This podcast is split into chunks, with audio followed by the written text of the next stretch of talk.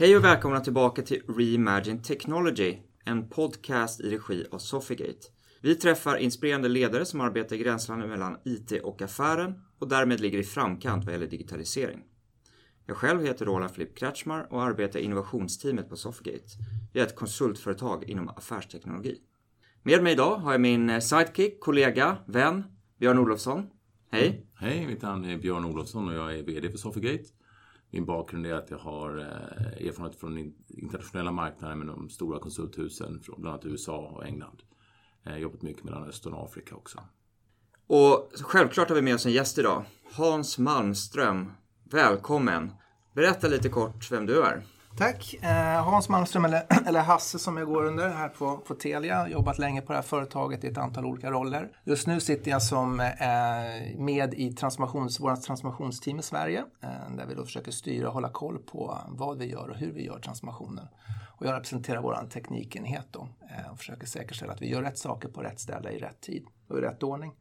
Tidigare varit IT-chef på vår internationella del, Tena Carrier, och jobbat eh, med andra delar inom företaget med produktutveckling och verksamhetsutveckling. Välkommen! Tack, tack!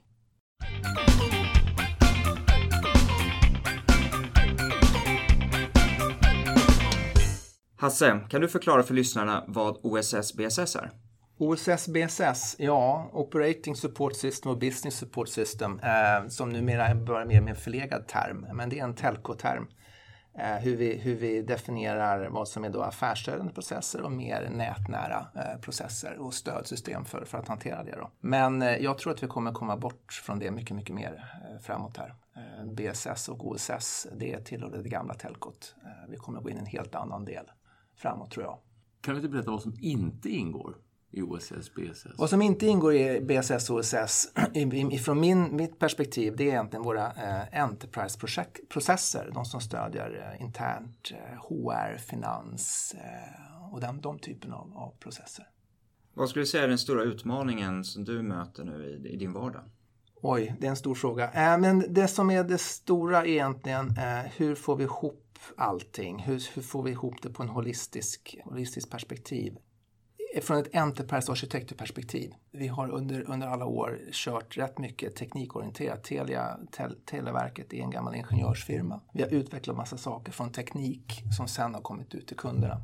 Vi måste lyssna mycket mer på kunder och det gör vi. Vi bygger våra, våra kundresor och tittar på hur kan vi eh, realisera kundvärde. Och då, då möts de här två världarna där de nya bolagen, alltså som Amazon, Google, Facebook, som är väldigt snabba på att reagera på det som händer där ute kontra vi som är ett rätt hårt teknikproduktbolag från början ska försöka möta upp där.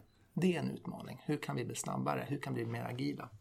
Där sitter vi fast i, i mångt och mycket i våra gamla processer som är sidobaserade. Och där måste vi bryta upp och jobba mycket mera, dels med tillsammans med kund och också internt affär, IT, verksamhet. Vi har påbörjat den resan här när vi tog ett omtag på vår transformation för några år sedan och har kommit en bra bit på väg när det gäller den biten låter ju superspännande. Kan, kan du backtracka lite och gå tillbaka? När, beskriva lite. Vad var det första ni gjorde under den här transformationsresan? Ja, men vi, vi startade egentligen vår Telias transformation redan 2014 någon gång när, när eh, Johan Dennelind och Malin eh, Fränning var ute då och berättade, vår dåvarande Sverige-VD, om att vi ska göra en transformationsresa och satte upp ett antal eh, transformationsmål på kapitalmarknadsdagarna 2014. Och det var egentligen triggern som satte igång alltihopa. Och då sa vi att vi ska, vi ska ta bort produkter, vi ska eh, effektivisera, vi ska bli enklare att ha att göra med mera online och sådana saker. Där satte vi igång, men då hade vi fortfarande inte internt satt upp strukturen på ett, det var mycket linjestyrt. Eh, vi försökte lösa saker och ting som vi har gjort tidigare. Liksom att, ja, men vi ger, en, vi ger en, en task till en del av organisationen så löser de den. Men efter ett tag så vi att ja, det funkar inte riktigt bra så vi tog ett omtag på vår transformation egentligen kan man säga 2016. Där vi då utgick ifrån egentligen vad är det vi behöver göra för att supportera ett massmarknadsbeteende, ett, ett lite mera eh, företagsbeteende där vi kan konfigurera lösningar eller ett helt skräddarsytt som storföretagen vill ha. Och då tittar vi på de kapabiliteter, förmågor vi behöver ha i företaget för att möta de tre kundbeteendena. Och det var så vi egentligen styrde om hela vår transformationsresa. Och när vi tittar på de förmågorna så, så, eh, så, gjorde vi det tillsammans, affär och IT, så att vi satt med IT-arkitekter och de som var affärsansvariga och tittade på det. Och, och från början så tolkade vi, vi på IT, om man får säga vi på IT, um, ehm, alla de här förmågorna som att det skulle realiseras via IT. Men det var det inte. Vissa saker var ju att men det var ett arbetssätt eller hur vi ska hantera kunden i ett personligt möte och sådana så, så att där satte vi egentligen upp och gjorde tre stycken stora såna kapabilitetskartor som vi sa att de här ska vi försöka göra grönmarkering på. Då. Så gjorde vi en inventering. Hur långt har vi kommit? Har vi någonting som är på plats redan i början som vi kan återanvända?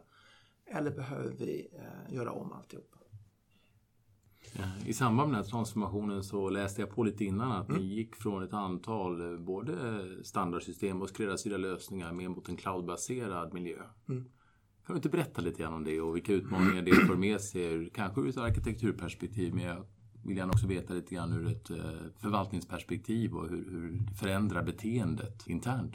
Yes, och det, så det är både och. Vi har ju både on-prem och, och molnlösningar. Då. Eh, men hela det här att vi, att vi tar ett omtag om alltihopa och att vi vill jobba på ett annat sätt. Det är egentligen där den stora förändringen sker. Vi vill inte sitta att nu har vi satt en process på plats och sen så har vi en IT-organisation som förvaltar och sen så skickar vi in eh, krav över ett staket. Utan vi vill ju sitta tillsammans och försöka bygga värdeströmmar och, som där vi ser att men hur hänger det här ihop? Ifrån eh, kundmötet via våra affärsdödande processer ner i våran fabrik och sen upp igen till kunden och vi levererar värde. Och det där är ju, det där, det där är ju den stora kulturresan vi måste göra. Att vi, vi, är inte, vi är inte ett IT och vi är inte en verksamhet och vi är inte en affär utan vi är Telia tillsammans. Och det är svårt, det, det är egentligen det som är den riktiga transformationen. Teknik om vi kör on-prem eller cloudbaserat, det är egentligen, ehm, det fixar vi på ett eller annat sätt. Sen så sätter det andra krav på hur du förvaltar en, en målbaserad lösning eller någon prem-lösning för att ja, men du köper licenser och får allting andra eh, for free och du, kan, du får uppdateringar som, eh, tre gånger per år medan du on-prem behöver jobba mycket med förvaltning och det är det, våra, det vi är vana vid. Men, men det där det, det ser jag som den enkla biten. Den svåra biten är att, att egentligen få i alla medarbetare på Telia eh, eller alla de som jobbar med transformation och förstå att nu vänder vi upp och ner på det här. Nu gör vi på ett annat sätt. Eh, det du gjorde igår är kanske inte relevant imorgon. Och det, det är en jätteutmaning för ledningen och för oss, som, för oss alla som jobbar i transformationen att förklara den här visionen, bilden, vart ska vi ta vägen? Så att jag som medarbetare kan vara trygg i det jag gör eh, och att faktiskt, ja, men, det, den här resan och förändringen, ja, men jag kan vara med på den. Jag behöver inte ta med mig allt jag har idag, allt jag gör idag, för det är kanske inte är relevant imorgon. Du, jag, jag måste bara be dig med ett råd. Jag sitter i en rätt så intressant diskussion med vi kan säga ett försäkringsbolag mm. Eh, som sitter med wall-to-wall -wall med en standardlösning och har tröttnat på det och vill nu gå best of breed och då eh, tycker att cloud det kommer lösa väldigt många problem och vi kommer att komma mycket närmare verksamheten och eh, egentligen blir det fantastiskt mycket bättre. Har du något medskick till den organisationen? Vad, det, vad har de framför sig? kommer de att brottas med? Ja, men jag, tro, alltså, jag tror ju inte på att vi kan, det är en lösning som löser allt. Det kan vara så. Men man måste vara öppen för att beskriva först och främst vad är det vi vill uppnå och är vi överens affär IT om det? Eh, så att vi har, det här är det företaget vill uppnå, vi har en gemensam bild. Annars så blir det så att men affären beskriver ett problem man har och så, så kommer IT, ja men vi har, vi har den perfekta lösningen, det är den här mållösningen, den kommer lösa allt. Det kanske är så. Eh, om man, kommit, om man landat i, det, i att visionen är gemensam och man förstår eh, vad det här innebär, ja, men då kanske det är så att det, mållösningen är, är relevant. Sen, kan, sen måste man liksom gå in och titta på styrningar, ekonomisk uppföljning och förstår man vad det innebär att gå över en mållösning, att vi då eh, pratar om lite dyrare licenskostnader men kanske inga service, server och, och datacenterkostnader. Eh, så att ja, jag kan, jag kan inte säga, jag kan inte ge något generiskt råd. Utan det är, det är för varje case egentligen. Och det jag, det jag ser är affär och IT och verksamhet måste titta på det här gemensamt och se okej, okay, vad är det vi vill uppnå? Sen om det ska vara eh, one solution eller om vi eh, best of breeds eller om vi tar en stack eller vad vi, liksom, det är teknik. Det är, för mig är det egentligen irrelevant. Det är, när vi, det, är, det är när vi väl kommer till hur vi ska implementera det hela. Då måste vi välja vilka komponenter vi ska ha. Då kan vi titta på det. Men först måste vi definiera vad är det vi ska göra och verkligen tydligt definiera den, alltså visionen och sen vilka steg vi tar. För, hur, för vi kan inte nå visionen på en gång och det kommer ta tid. Speciellt för ett telco eller ett försäkringsbolag eller en bank som sitter med mycket legacy. Och då gäller det liksom att visa, okej okay, men vi vill dit, det kanske tar fem år, tio år eller två år om vi, har, om vi, har, eh, om vi är lyckosamma. Men hur, hur tar vi oss dit? Och att förstå också att när vi är på den transformationsresan så kommer det bli mycket värre innan det blir bättre. Verksamheten kommer kunna sitta med dubbla system eller kanske trippla system, trippla processer eftersom du inte kan flytta över alltihopa. Alltså vi producerar ju inte pennor eller bilar som man sen skickar ut. Ja, nu bilar har ju också gått in i serviceindustrin men alltså rena produkter. Vi producerar ju tjänster som man abonnerar på eller köper och, och, och vi ska leva med kunden i, i den här resan. Då kan inte vi bara säga att men nu byter vi. Du får byta tjänst. Du har fortfarande kvar dina gamla tjänster som vi ska vårda och vårda kunden i det här. Och då, blir, då är det vi internt som får ta den smällen och det måste man vara tydlig med för, för, för, för verksamheten. Att det är inget digitalt att vi går från ett steg till ett annat utan det är en, vi måste ta de här eh, stegen. Och, och, när vi tar stegen så, så blir det, vi kommer fylla ryggsäcken med mera saker innan vi kommer upp på toppen och kan lasta av saker. Det är ett bra råd. Så en gemensam målbild där verksamheten och IT är överens. Mm. Att göra en roadmap som eh, tar tid och att man Exakt. under den perioden kanske kommer få ha det lite jobbigare innan det blir lättare. Mm. Och egentligen kanske det inte spelar så stor roll om det är en wall-to-wall -wall eller best of breed, Nej. om det är on-prem eller cloud. Det viktiga är att det är en bra lösning för den målbilden. Exakt.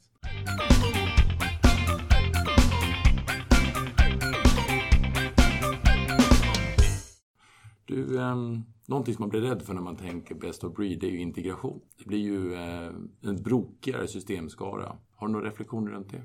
Integration, ja. Det är ju eh, API, integrationer eh, och sådana saker. Jag var nere på Telemanagement Forum här för, för ett tag sedan eh, i Nissimaj. i maj.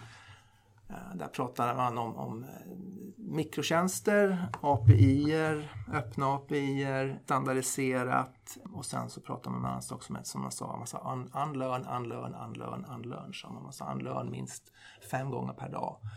Alltså gamla telcos, måste, vi måste avlära oss det gamla sättet att tänka och jobba eh, och lära oss nytt. Vi måste titta mycket mer på det som unicorns gör. Inte att vi ska bli någon unicorn, men vi ska se hur de tänker, hur de gör. Ehm, jag kan dra ett exempel. British Telecom var där och drog och berättade. De hade gjort en transformation där de, för att sätta upp en ny server eh, för att antingen utöka sin kapacitet eller för att eh, sätta upp en ny tjänst så hade de gått från 60 dagar till 5 dagar. De tyckte att det var en jätteresa.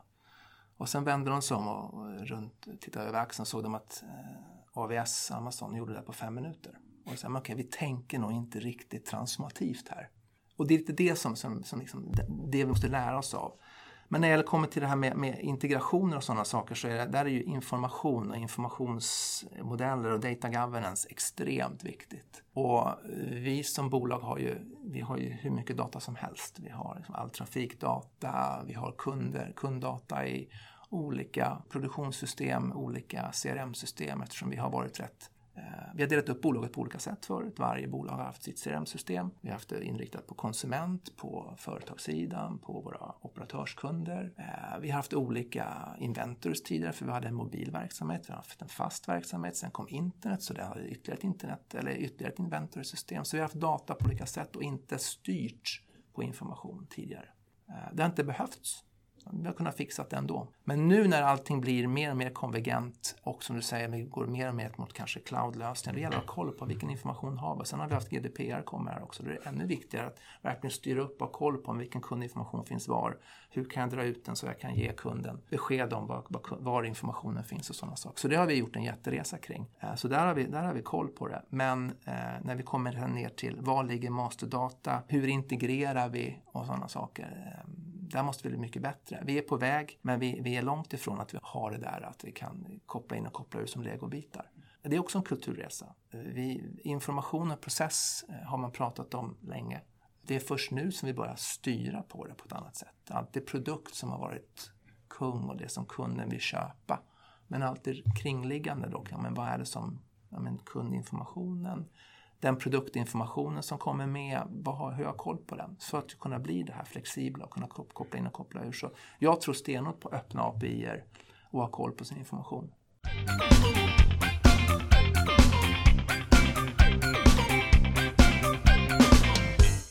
Du, eh, jag, jag tänker på um, branscher som också är lite traditionella. Man kan väl säga att Telia är ett traditionellt bolag historiskt. Kan vi är 164 år unga. Så att, mm.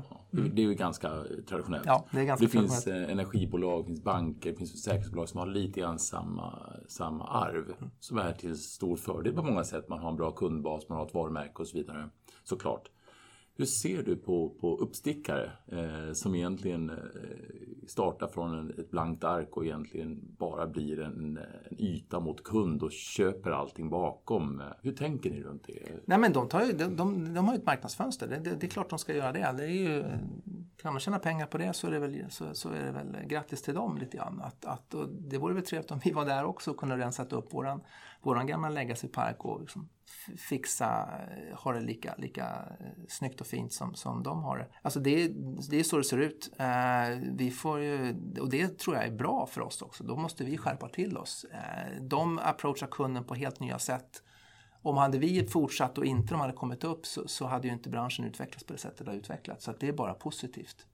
Sen så kan man vara lite avundsjuk ibland. Man får börja få en greenfield och helt blankt och sådana saker. Men sen har ju vi då, vi är ju ändå ett, som du säger, 164 år ungt företag står lite grann för en tradition, trygghet, vi har konnektivitet, eh, vi har basala tjänsterna som vi, kan, som vi kan bygga på och bygga bra kundresor på och faktiskt leverera riktigt värde till kunderna.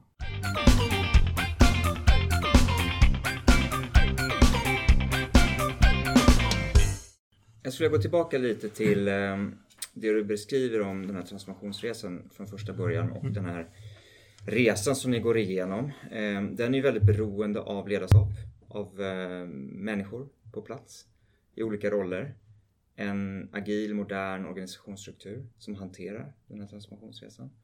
Vilka roller är viktiga? Vilka nyckelpersoner är viktiga för att lyckas med en transformationsresa? Om vi börjar, med, om vi börjar där. Ja, men självklart är det företagsledningen. Alltså det går inte att köra en sån här transformationsresa utan full support ifrån, ifrån vår högsta ledning. Det är en big no-no. Ska, vill man börja så här så, kan man, så är det bara att lägga ner om man inte har företagets eh, support.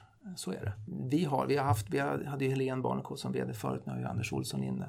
Och de, vi, de är högst involverade i vår transformation och brinner och driver det här och, och vill att vi ska lyckas.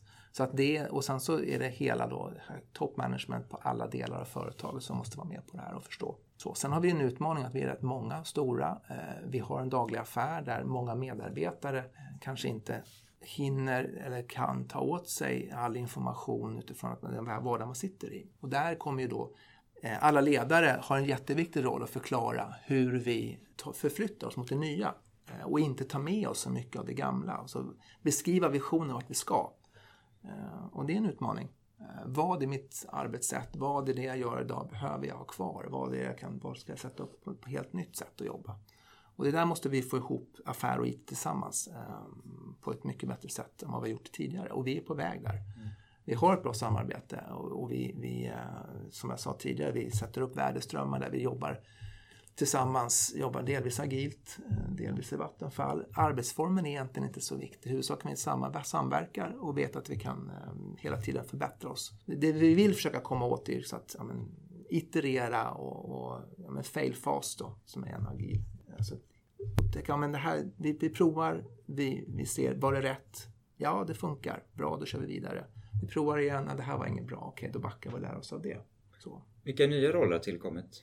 Det är egentligen inte så mycket nya roller, det är väl att vi har förstärkt vikten av dem. Alltså informationsägarskap, alltså det vi kallar för business data driver, business data owner. Eh, de har, de har ju funnits i organisationen tidigare fast inte så tydligt uttalade. Eh, så nu försöker vi sätta en governance kring det och då kommer vi tillbaka till det här med öppna API och hur vi integrerar och sådana saker. Det gäller att ha koll på vem är ansvarig för för vilken data och, och när jag är ansvarig för viss mängd, viss mängd information vem ska konsumera den och var hämtar den ifrån? För det är då när jag sätter upp governance kring det som jag kan eh, faktiskt se, men var har jag överlapp? Var kommer datan att, och informationen att, att förändras och kanske förstöras över sikt och sådana saker. Så det är en sån.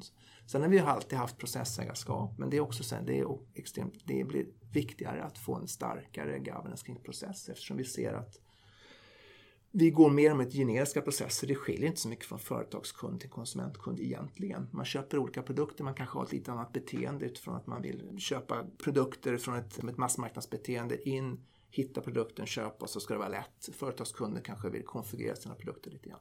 Men i stort sett om vi bortser från, från just det så, så är det samma beteende. Eh, och då kan vi bygga mer och mer generiska gemensamma processer. CIOns roll i, i, på den här resan, har du någon åsikt om det? Och liksom, vi tittar mycket på eh, framtidens organisationsstrukturer där vi också ser att CIOns roll förändras, kanske till och med försvinner i vissa organisationer. Är det någonting som, som ni ser också att eh, den traditionella IT-avdelningen förändrats? Definitivt. Den traditionella, IT, den traditionella IT-enheten tror jag inte kommer finnas kvar på sikt. Eh, den kommer att integreras med, med eh, verksamheten. Det, det, det, blir samma sak. Affär är IT, IT är affär. Allt är IT till slut. Och då, sen, vadå? Om allt är IT, är allt en IT-enhet då? Nej, det är ett företag med, med IT integrerat om CIOs roll, om den ska försvinna eller inte, men det har jag väl ingen åsikt om. Utan det behövs någon som, som har koll på struktur, governance ehm, och sådana saker. Sen om man kallar den för CIO eller CEO eller CO, det, Mm. jag, jag bryr mig inte om det egentligen. Det måste finnas struktur, det måste finnas tydligt regelverk, men sen måste man sitta ihop och jobba verksamhet och IT. Och det tror jag kommer smälta ihop. Och det är också en utmaning i sig från ett företag som har, som jag sa, levt så länge ehm, så, är, så är, än så länge är fortfarande linjen rätt stark. Där måste vi liksom, med de sakerna vi nu bygger upp med nya värdeströmmar och nya agila setuper och, och team som är tvärfunktionella. Linjen kommer inte vara lika stark utan det är liksom de här kundresorna. Sen om vi väljer att organisera oss så, ja men det är bra. Men vi måste titta mycket mer utifrån och in. Den interna strukturen är mindre viktig.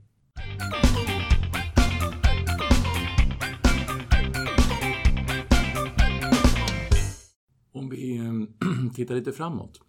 Har ni börjat närma er eh, robotisering, RPA, machine learning, AI? Och i vilka processer då? Både kanske internt eh, och kanske även mot kund? Vi har definitivt börjat närma oss det. Eh, vi tittar på det mm, rätt mycket. Dels för att vi ser att när vi nu går i våra transformationsresor så ser att det kanske inte går exakt som vi har tänkt oss på alla håll och kanter vi behöver effektivisera. Vi har både legacy och vi har det nya, både cloud och on-prem lösningar. Eh, och vi kommer att leva med dubbla världar och för att våra medarbetare, då, som jag sa innan, att det blir värre innan det blir bättre så behöver vi säkerställa hur kan vi då hjälpa till med, med robotikslösningar eller AI-lösningar och sådana saker. Så att det, håller, det håller definitivt att titta på. Eh, sen har vi utmaningar med det också utifrån att vissa av våra legacy-system har sådana API och gränser att det kanske inte alltid är så enkelt att koppla på RPA och allt vad det kan vara för någonting. Så där har vi utmaningar. Men vi tittar definitivt på det och jag ser att det finns eh, definitivt en roll för det där att spela. Inte bara för att effektivisera här och nu utan faktiskt vara en del av hur vi bygger upp våra nya processer. Också kopplat till framtiden, du vet eh, några av de mest innovativa bolagen i världen eh, pratar mycket om eh, co-creation. Det vill säga att man involverar kunder eller partners i, i eh, utveckling. Är det någonting, eh, jag tänker kanske framförallt kunddimensionen, är det någonting ni jobbar med att ni har co-creation på agendan? Det har vi. Jag sitter inte riktigt så nära de som jobbar med, med de delarna, men jag vet att vi gör det. Och det, vi försöker också förändra vårt sätt att när vi designar saker att ha design, design-driven eh, approach. Så vi börjar med att liksom visualisera det hela istället för att titta på okej, okay, vad är det för problem vi har? Ja, det här är det. Och sen så går vi hem och försöker snickra på en teknisk lösning. Nu försöker vi. Men hur skulle det här se ut utifrån ett kundperspektiv, utifrån ett internt medarbetarperspektiv? Vad är det viktiga? Hur ska processen se ut? Vad är det, vad är det för problem vi vill lösa? Och när man får, i alla fall för, jag tycker det är extremt värdefullt att se när man kan visualisera och få ner det på, på en bild eller på en skärm eller göra en mockup. Och jag vet att vi gör det jättemycket internt och vi gör det också eh, med kunder för att ja, men det är det här vi vill ha när vi började vår transformationsresa eh, så hade vi eh, mycket samarbete med kunder. Vi var nämligen ute och visade att okay, nu kommer kundgränssnittet kommer se ut så här. Skulle det funka för dig om du vill beställa en ny villa, fiber till exempel? Så, är det här det gränssnittet du vill ha? Liksom, ja, det där fattar det där fattar jag. men det här, det här verkar konstigt. Varför kommer det här steget här? Det borde jag ha valt där. Så då hade vi det som ett arbetssätt inledningsvis för att säkerställa hur får vi den här kundresan att bli så bra som möjligt. Så att kunden ska beställa en villa, fiber upplevelse att det är sömlöst och att det inte blir några stora gap eller man måste vänta eller man förstår inte varför, varför ska jag ge den här informationen nu för eller vad det är för någonting. Så där jobbar det väldigt tajt tillsammans med vissa utvalda och friendly customers. Och det tror jag det är ett arbetssätt vi måste anamma för att det, det går så fort där ute. Vi kommer aldrig att kunna se och höra allt utan vi måste jobba med andra som sitter utanför och inte har hela perspektivet. Sen är ju vi själva kunder också, men, men det räcker inte. Vi måste vara där ute och, och få input och inspiration. Finns det andra komponenter än att vara kundnära som är viktiga för att vara innovativ? Ja, det tycker jag. Eh, det tar jag också med mig från när jag var nere på Telemanagement Forum i Nissa, men det har jag också, också tänkt på tidigare. Alltså teknologin driver ju eh, oerhört mycket och vi har, det har varit mycket, mycket snack om, om kund och kundresor, vi ska leverera kundvärde. Och så att man nästan har backat lite grann från tekniksidan och säger att okej, okay, vi måste vänta på att kunden kommer och säger vad de vill ha eller att någon affärsutvecklare kommer och säger nu vill vi ha det här. Men nu kommer teknologin den har alltid utvecklats snabbt men nu kommer den inte ännu mer, men, men det blir ännu tydligare att vi från ett teknikperspektiv måste pusha tillbaka mycket mer och säga att det här, teknologin enablar de här sakerna. Och visa och ta, kliva fram och faktiskt driva en viss, viss utveckling. Och visa, alltså prototypa, gå ut till kunderna, det här kan vi erbjuda, är det något som är intressant? Eh, så det är inte bara ett utifrån och in utan faktiskt ett inifrån och ut-perspektiv för att sen vända den så att den sen blir en utifrån och inresa. Så först börjar med att vi driver utifrån att vi har de här kapabiliteterna, möjligheterna som tekniken, tekniken möjliggör. Då.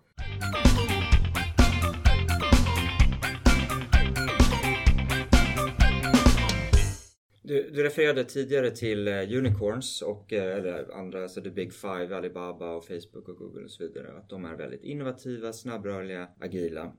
Eh, och att mer traditionella bolag kanske inte är det i lika stor utsträckning. Vad tror du är det första steget för den mer traditionella typen av bolag? Bli mer agil, för att bli mer snabbrörlig, innovativ. För det är ändå en rätt stor resa man behöver göra för att förändra kulturen och arbetssättet. Ja, alltså där, det, är, det är en svår fråga. Men eh, lite grann att titta på kundvärdet. Hur, vad är det för saker? Eh, vad är det för kundvärden vi vill leverera? Och det är tillbaks till det vi pratade om tidigare med API och, och kanske alltså mikrotjänster eller, eller den typen. Alltså att definiera kundvärden alltså, och, och egentligen tjänstifiera våran portfölj. Oavsett vad det är. Nu är det inte så att vi ska gå ut och börja konkurrera med posten, men vi, vi har ju till exempel då logistikprocesser internt där vi ska sälja eller leverera eh, terminaler eller, eller routrar till kunder och sådana saker. Bygger vi den tjänsten, och den är ju en intern process för oss som vi ska ha koll på vårt varulogistiklager och alltihopa sånt där. Bygger vi den på ett riktigt bra sätt så skulle det kunna vara en tjänst som vi skulle kunna lägga ut på, på öppna marknaden och säga att men här har vi en bra, jättebra logistiktjänst. Köp den av oss. Så att det är alltså att tjänstifiera hela, delar eller hela våra, våra processer i våra, och bygga IT-tjänster av det. Men också att bli en innehållsleverantör. Jag tänker på de senaste förvärvsdiskussionerna ja. som, som man har läst om i, i media. Kanske inget du kan kommentera i detalj men det är en intressant förändring. Mm. Där ett bolag som Telia går in och, och vill köpa då innehållsproducenter, media, renodlade mediebolag. Mm. Ja, och det har vi inte haft tidigare på samma sätt. Vi har ju varit, haft, TV har vi haft tidigare med innan jag kom hem som, som del av bolaget och sådana saker. Nej men visst är det så. Och, och, eh, alltså telco, telekom det är ju basen till allt egentligen. Du måste ju ha någon form av konnektivitet. Allt det vi gör idag, alla dina smarta telefoner, alla dina tv-apparater, skärmar, de är uppkopplade på ett eller annat sätt. Och där har ju vi, det står ju vi för, för basen i det. Sen vill jag bygga på. Vad är det för mer värden då vi kan, vi kan leverera? Och där måste man ju undersöka och hitta. Och det kan vara, det kan vara innehållstjänster med, med eh, tv-utbud, serier och sådana saker. Det kan vara andra tjänster.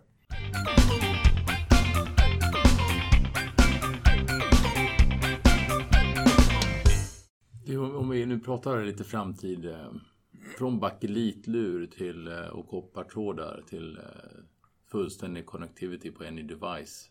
Det har ju hänt lite. Vad händer framåt? Oj, ja vad händer framåt? Tänk lite grann på det du berättade, att, att ligga på framkant på spaningar eh, på vad som händer tekniskt och kanske vad andra bolag gör och vad som händer i andra branscher. Eh, det är ett gemensamt ansvar nu. Det är inte bara verksamheten som kommer till IT och ställer krav utan IT kan även visa upp möjligheter för både kund och verksamhet. Ja, men alltså, jag tror det, det kommer att ske, det är lite grann där med visioner att det var, som han eh, som var patentchef i, i, eh, i England där på 1890-talet som sa det att nu, behöver vi, nu kan vi lägga ner den här verksamheten för nu har vi uppfunnit alltihopa. Ehm, när glödlampan hade kommit och lite sånt där. Och det där är jättesvårt att förutspå men alltså tittar man lite framåt bara så och gläntar på, på vad kommer med 5G och vad kan vi göra där och, och sådana saker. Där har vi intressanta samarbeten med, med gruvbolag utifrån att vi har självkörande eh, gruvmaskiner i, i, nere i, i bergrummen som blir säkrare. Och jag tror inte, alltså fantasin sätter egentligen stopp. Det är den, när man kan sluta. Jag tror att vi kan, det är jättesvårt att säga vad, vad som kommer skall. Eh, vi tittar på science fiction-filmer, ja men det, vi kommer komma dit snart. Om vi ska kunna... Nej, det, det, jag kan inte spekulera. Det är jättesvårt. Men om vi lämnar vad Telia tror är framtiden. Vad vill Hasse? Vad, vad drömmer du om? Oj, vad drömmer jag om? Eh, privat eller företagsmässigt? Ja, både. Ja.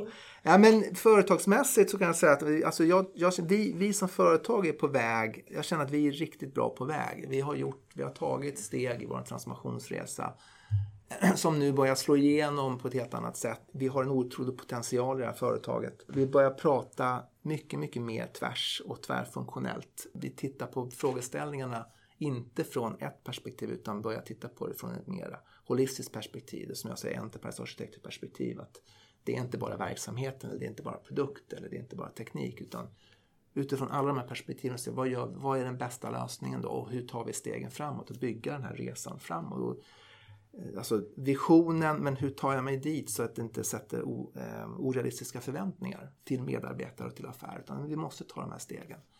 Eh, så det, det tror jag på. Jag tror att där, där finns det eh, oerhörd potential. Och privat, vad drömmer du om då? Privat? Ja men privat, i närtid så är det semester. ja, just det. Och vilka devices använder du då? Ja, det är mobiltelefonen och paddan som är med ja. för att kolla de, de eh, fotbolls-VM till exempel. Så det får man ju inte missa nu när det är under sommaren här. Jag, jag är själv lite fascinerad av det här med deviceless future. Eh, det, är, det är ju som du säger, det är fantasin som sätter gränsen. Det är svårt att ens föreställa sig hur det ska gå till. Men vi är på väg dit. Det är oundvikligt. Mm. När du funderar på deviceless future, kan du greppa hur, hur det kommer att se ut? Du kanske vet det, ni kanske har en hemligt innovationslabb här i huset där allting är deviceless och ni bara tänker er fram till lösningar. Ja, jag kan ju säga det men då får, du, då får jag döda det efteråt. Mm, absolut. nej, nej, så är det tyvärr inte. Nej, men visst har vi, visst har vi tankar och idéer om det också. Uh, men, nej, men det, jag har svårt också att se hur, hur ska det funka? Alltså, nej, ja, det är svårt. Jag vet inte heller. Vi är för gamla. Eller ja, hur? Men det, det, ja, men det, ja, visst är det så. Det kan mycket väl vara så. Men då, vi, vi tre dinosaurier här. Hur, hur, tänker ni runt rekrytering och kompetensförsörjning eh, framåt? För det om vi nu är för gamla och inte ens kan tänka deviceless, då har vi problem. Vad är lösningen på det problemet? Ja, men det, det är också en jättebra fråga. Vi har ju sagt tidigare liksom att, försökt att vi, vi ska försöka göra vår transformation själva. Vi måste ta ägandeskap i vår transformation, för gör inte vi den och det kommer utifrån någon annan, någon konsultfirma kommer in och gör det här åt oss, ja, men då känner vi inte ägarskap för det och har inte riktigt förståelse för det. Så, så där är det är en jätteutmaning. Vi, vi, är, vi har en, en, en, kompetens eller en ålderskurva i företaget som kanske inte är likadan som, som eh, Spotify eller andra uppkomlingar har. Då. Men vi måste jobba med, med kompetensväxling. Vi måste ta in, ta in nytt ungt blod givetvis. Och det är inte lätt i Stockholm när det finns massa andra företag här som, som är attraktiva. Och det har vi också börjat kommunicera nu tydligare. Liksom att vi, vi måste sätta oss in och ta, själva ta ansvar för det, varje medarbetare. Men vad är det jag vill göra imorgon då? Hur ser det här ut om jag, om jag inte kommer att sitta på en on-premises-lösning utan det kommer att vara en cloud-lösning. Det kommer att vara mycket mer öppna API, det kommer att vara mycket, mycket mer integrationskunskap. Men vad är det jag behöver lära mig? Och det försöker vi nu pumpa ut också till medarbetarna. Att, men, du måste ta ansvar för din egen utveckling. Vi, vi är inte det gamla telkot längre. Vi är på väg mot en, från det new gen telco. Och vad behöver jag kunna då? Eh, för det är vi inom företaget som måste göra den här förändringen. Sen måste vi givetvis få in inspiration utifrån med hjälp av partners och, och sådana saker. Men, men också ta in, eh, ta in nytt folk. Men sen vi själva. Det, och det är den egentligen stora resan. Hur gör vi den kulturresan? Det är det som är transformation för mig. Teknik, det har jag alltid fixat på ett eller annat sätt. Men att börja tänka på ett annat, tänka på ett nytt sätt. Och ja, men förstå, vad är deviceless då? Hur, hur, vad, vad, innebär det för mig? Vad innebär det för kunderna? Hur kan vi fixa det på bästa sätt? Det, det är utmaningen.